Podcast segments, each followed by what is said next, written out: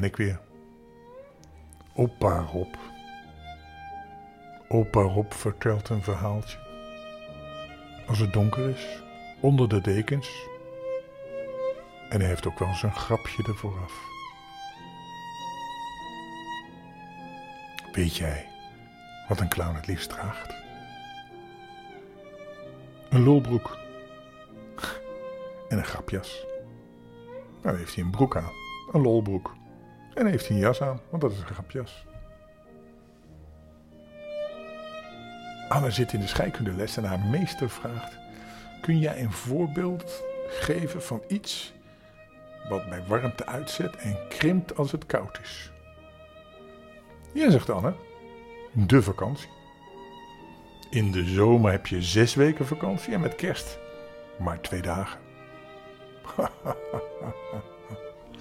Dat is mooi, hè?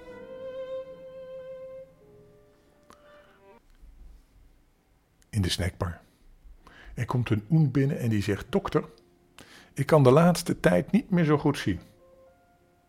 En de man achter de toonbank zegt: Dat klopt, meneer, want u staat hier in de snackbar en u bent niet bij de dokter.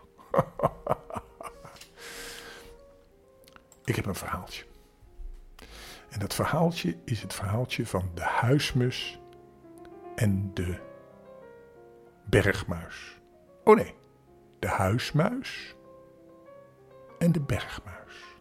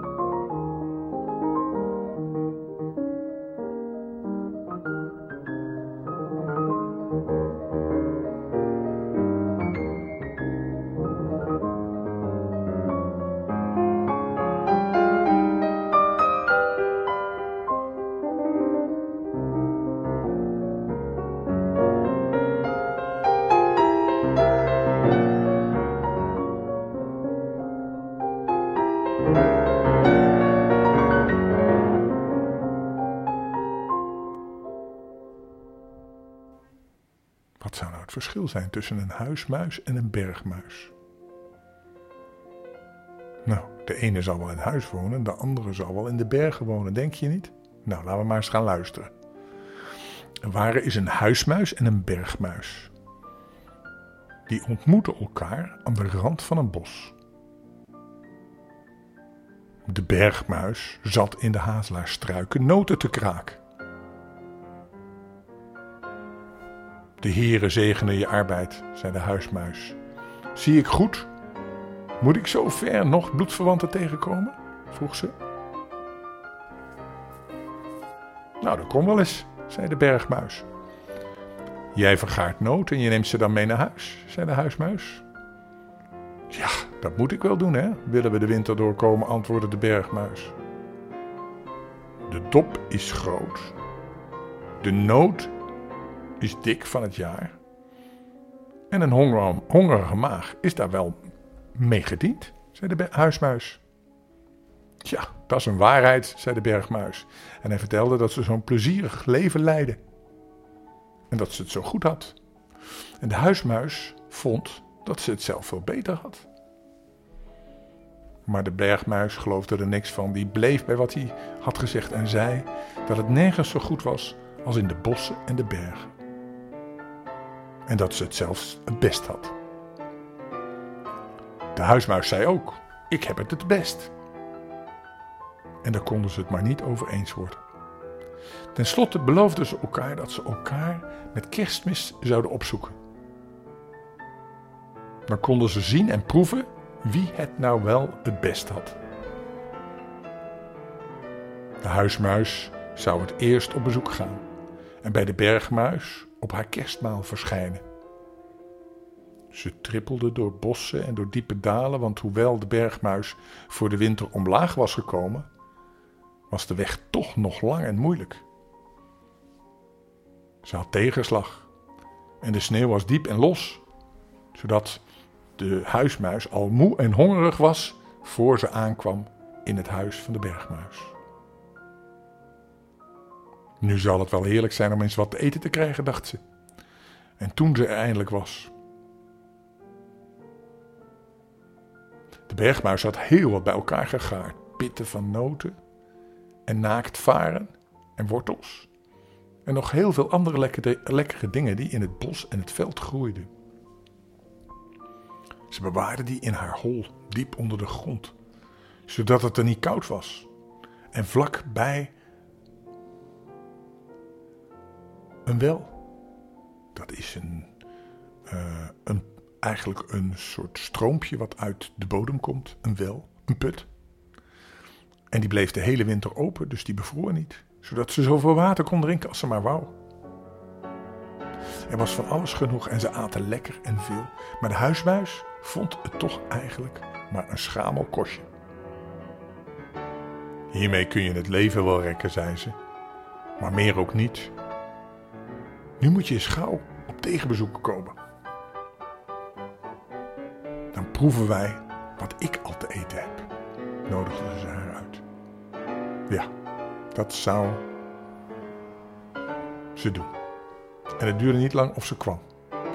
En toen had de huismuis van elk kerstkost, dus het kersteten, waar de vrouw des huizen mee gemorst had, omdat ze in de kersttijd een beetje licht in het hoofd was geweest van dat vele bier, dat had ze vergaard. Ze had stukjes kaas en boter, kaarsvet, stukjes zachte lefse met boter en stukjes zure roombroodjes. En nog veel meer lekkers. In de nap, dat is een soort, uh, een soort, soort fles, uh, onder de kraan van de bierton, had ze te drinken genoeg. En haar hele kamer was vol lekkere hapjes. Ze aten lekker en ze namen het er goed van. En het scheen alsof de maag van de bergmuis geen bodem had. Zulke kost had ze nog nooit geproefd.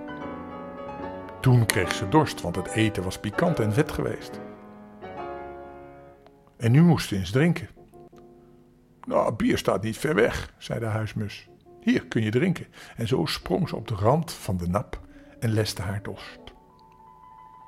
Maar meer dronk ze ook niet, want ze kende het kerstbier en wist dat het sterk was. Maar de bergmuis vond het wel lekker. En die dronk en die dronk nog meer. Maar ze had ook nooit iets anders gedronken dan water. En ze nam de ene slok naar de andere. Maar ze kon natuurlijk niet tegen dat sterke kerstbier. Ze werd dronken. En toen ze van de nap, nap afsprong en haar hoofd en haar pootjes sloegen op hol, zodat ze de ene bierton op en de andere afhuppelde en rende, en ze op de planken tussen kop en kroezen begon te dansen en draaien en te piepen en te jammeren alsof ze dronken en krankzinnig was. Ja, dronken was ze natuurlijk. Je moet je niet net gedragen of je pas door een prins uit de berg bent verlost, zei de huismus. Maak toch niet zo'n lawaai en burengerucht. We hebben hier een harde veldwachter, zei ze, en de bergmuis zei dat alle veldwachters haar koud lieten. Maar de kat zat op het kelderluik, op de loer. En die hoorde het gepraat en het spektakel. En op hetzelfde ogenblik dat de vrouw het luik oplichtte, omdat ze een schaal bier moest gaan tappen, glipte de kat de kelder in. En hij sloeg de bergmuis aan zijn klauw. En toen werd er een ander liedje gezongen. De huismuis rende haar holletje in en zat daar veilig. En zag dat de bergmuis in één klap nuchter geworden was toen ze de klauwen van de kat voelde.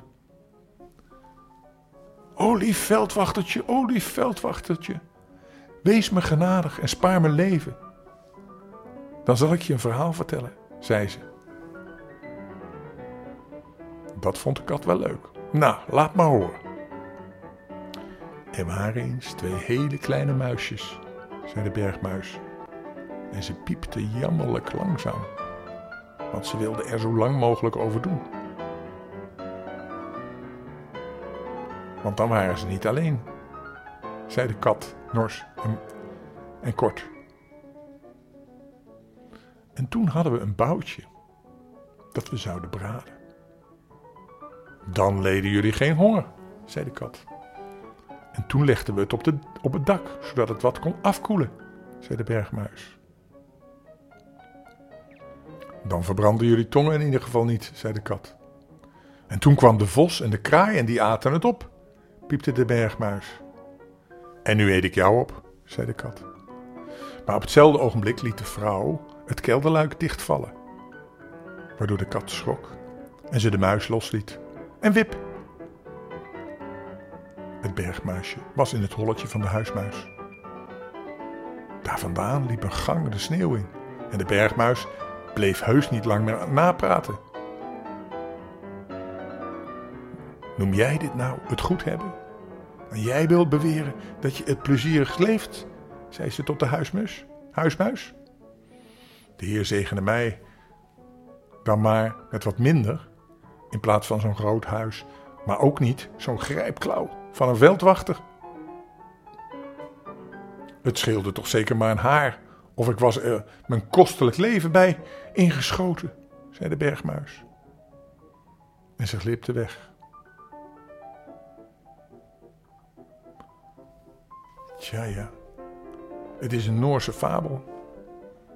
Iedereen vindt zijn eigen leven het leukst.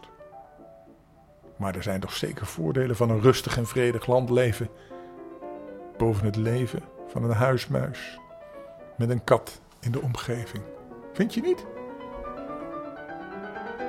Ik heb nog een klein verhaaltje. Weet je hoe dat heet? Nee, weet je het niet? Ik ook even niet. Ik ga het opzoeken. Wacht even. Het is Mirjams kerstgeschenk.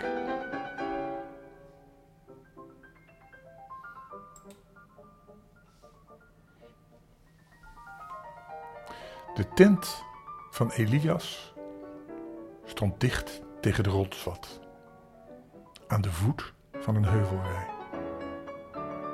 Elias had deze plek zorgvuldig uitgezocht, zodat hij en zijn gezin beschermd waren tegen de wind en de kou.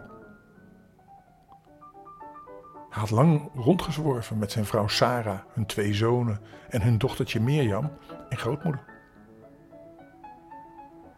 Je weet hè, dit is een verhaal uit de Bijbel. Dus toen leefden mensen heel vaak in tenten. En ze trokken heel vaak van de ene plek naar de andere plek. De nacht was gevallen en het gezin legde zich te rusten. Ze waren moe van de lange reis, maar de rust was er niet lang gegund. Want midden in de nacht kwamen er herders langs, die hen wakker maakten en vertelden dat ze engelen gezien hadden. De engelen verkondigden dat er in een armoedige stal in Bethlehem een kind geboren was. Het kindje Jezus. Wij gaan erheen om te bezoeken. Gaan jullie mee? Ze wilden wel meegaan, maar voor grootmoeder zou het toch toch veel te vermoeiend zijn. Zij moest achterblijven. En Mirjam ook.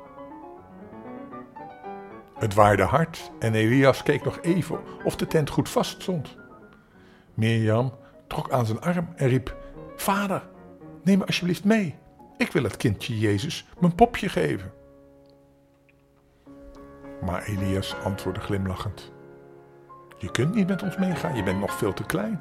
Hoor je die wind niet? Die zou jou en je pop als een pluisje wegblazen. Mirjam durfde niet tegen te spreken.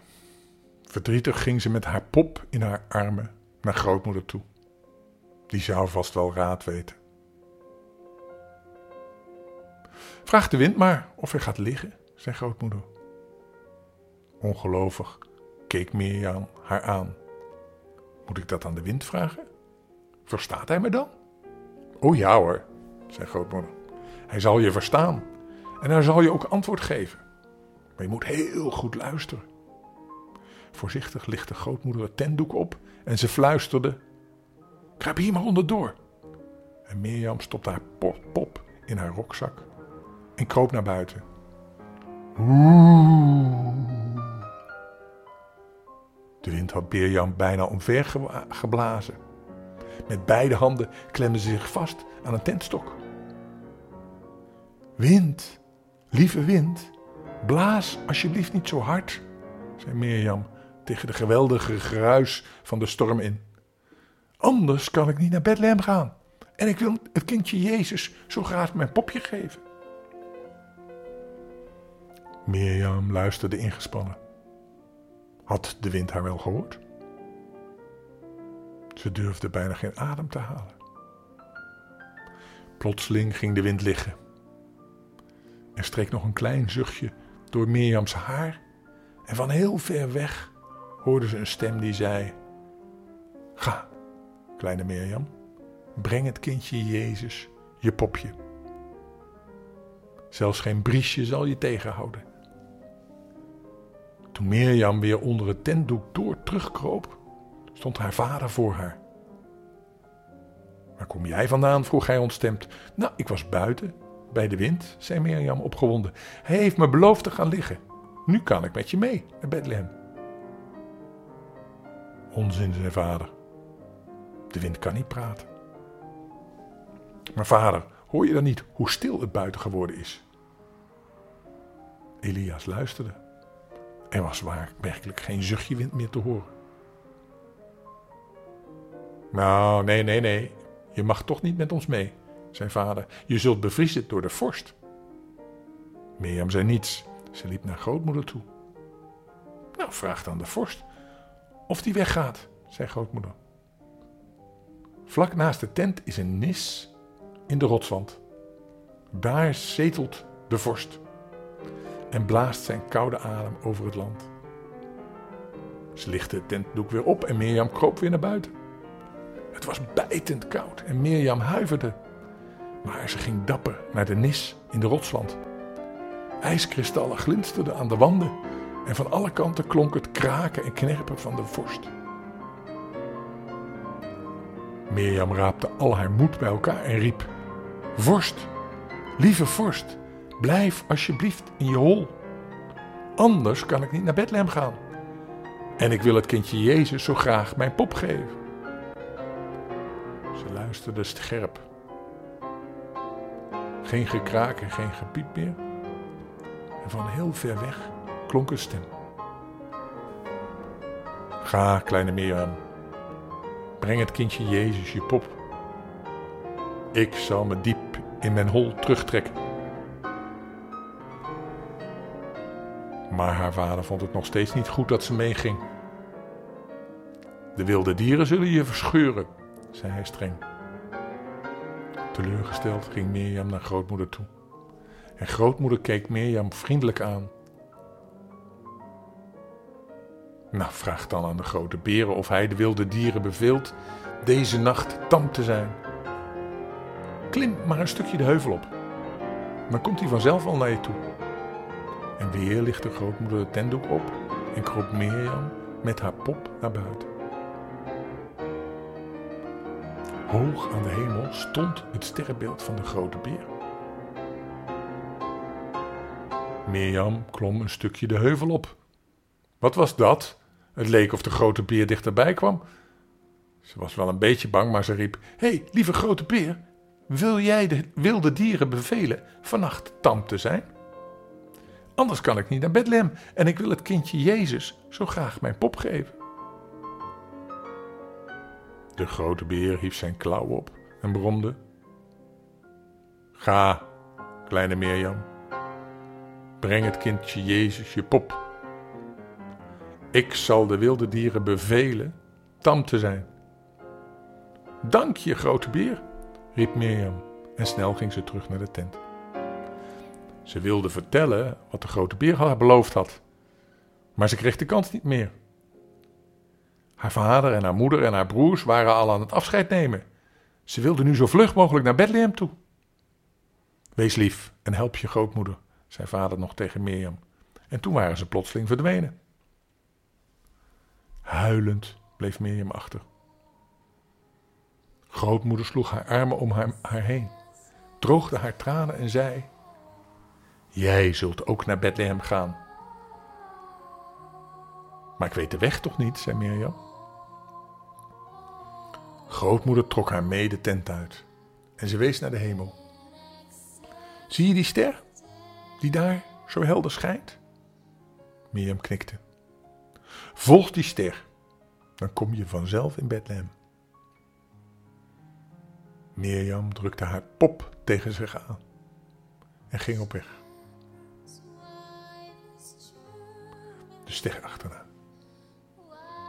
Plotseling doemde er een grote wolf voor haar op en Mirjam schrok en ze bleef staan. Klim maar op mijn rug, zei de wolf vriendelijk, ik zal je dragen. Toen klom Mirjam vol vertrouwen op de rug van de wolf. Hou je goed vast, anders val je, zei de wolf. En met grote sprongen gingen ze op weg naar Bethlehem. De ster scheen steeds helderder. En daar was de stal. Dankjewel, lieve wolf, fluisterde Mirjam. En ze streelde het dier dat haar zo snel en veilig door de nacht gedragen had. En toen ging ze naar de stal. En voor de, voor de deur stonden Sarah en Elias en haar twee broers. En Mirjam aarzelde. Maar haar vader wenkte haar dichterbij en nam haar bij de hand. En toen zag Mirjam het kribje van het kindje Jezus. Ze ging naar de kribbe toe en ze legde haar pop in het stro. Het kindje Jezus lachte. En dat maakte Mirjam heel blij. En de anderen werden daar ook blij van. Nou, dat is ook weer een mooi kerstverhaal hè? over het kindje Jezus. En over Mirjam. Mirjam maakt de tocht naar Bethlehem. En die geeft haar popje aan het kindje Jezus. En die vindt dat leuk. Nou, is dat geen mooi verhaal? Ga daar nu maar lekker over dromen, hè? Wel trusten. Ik hou van jou. Tot morgen, hè? Dag.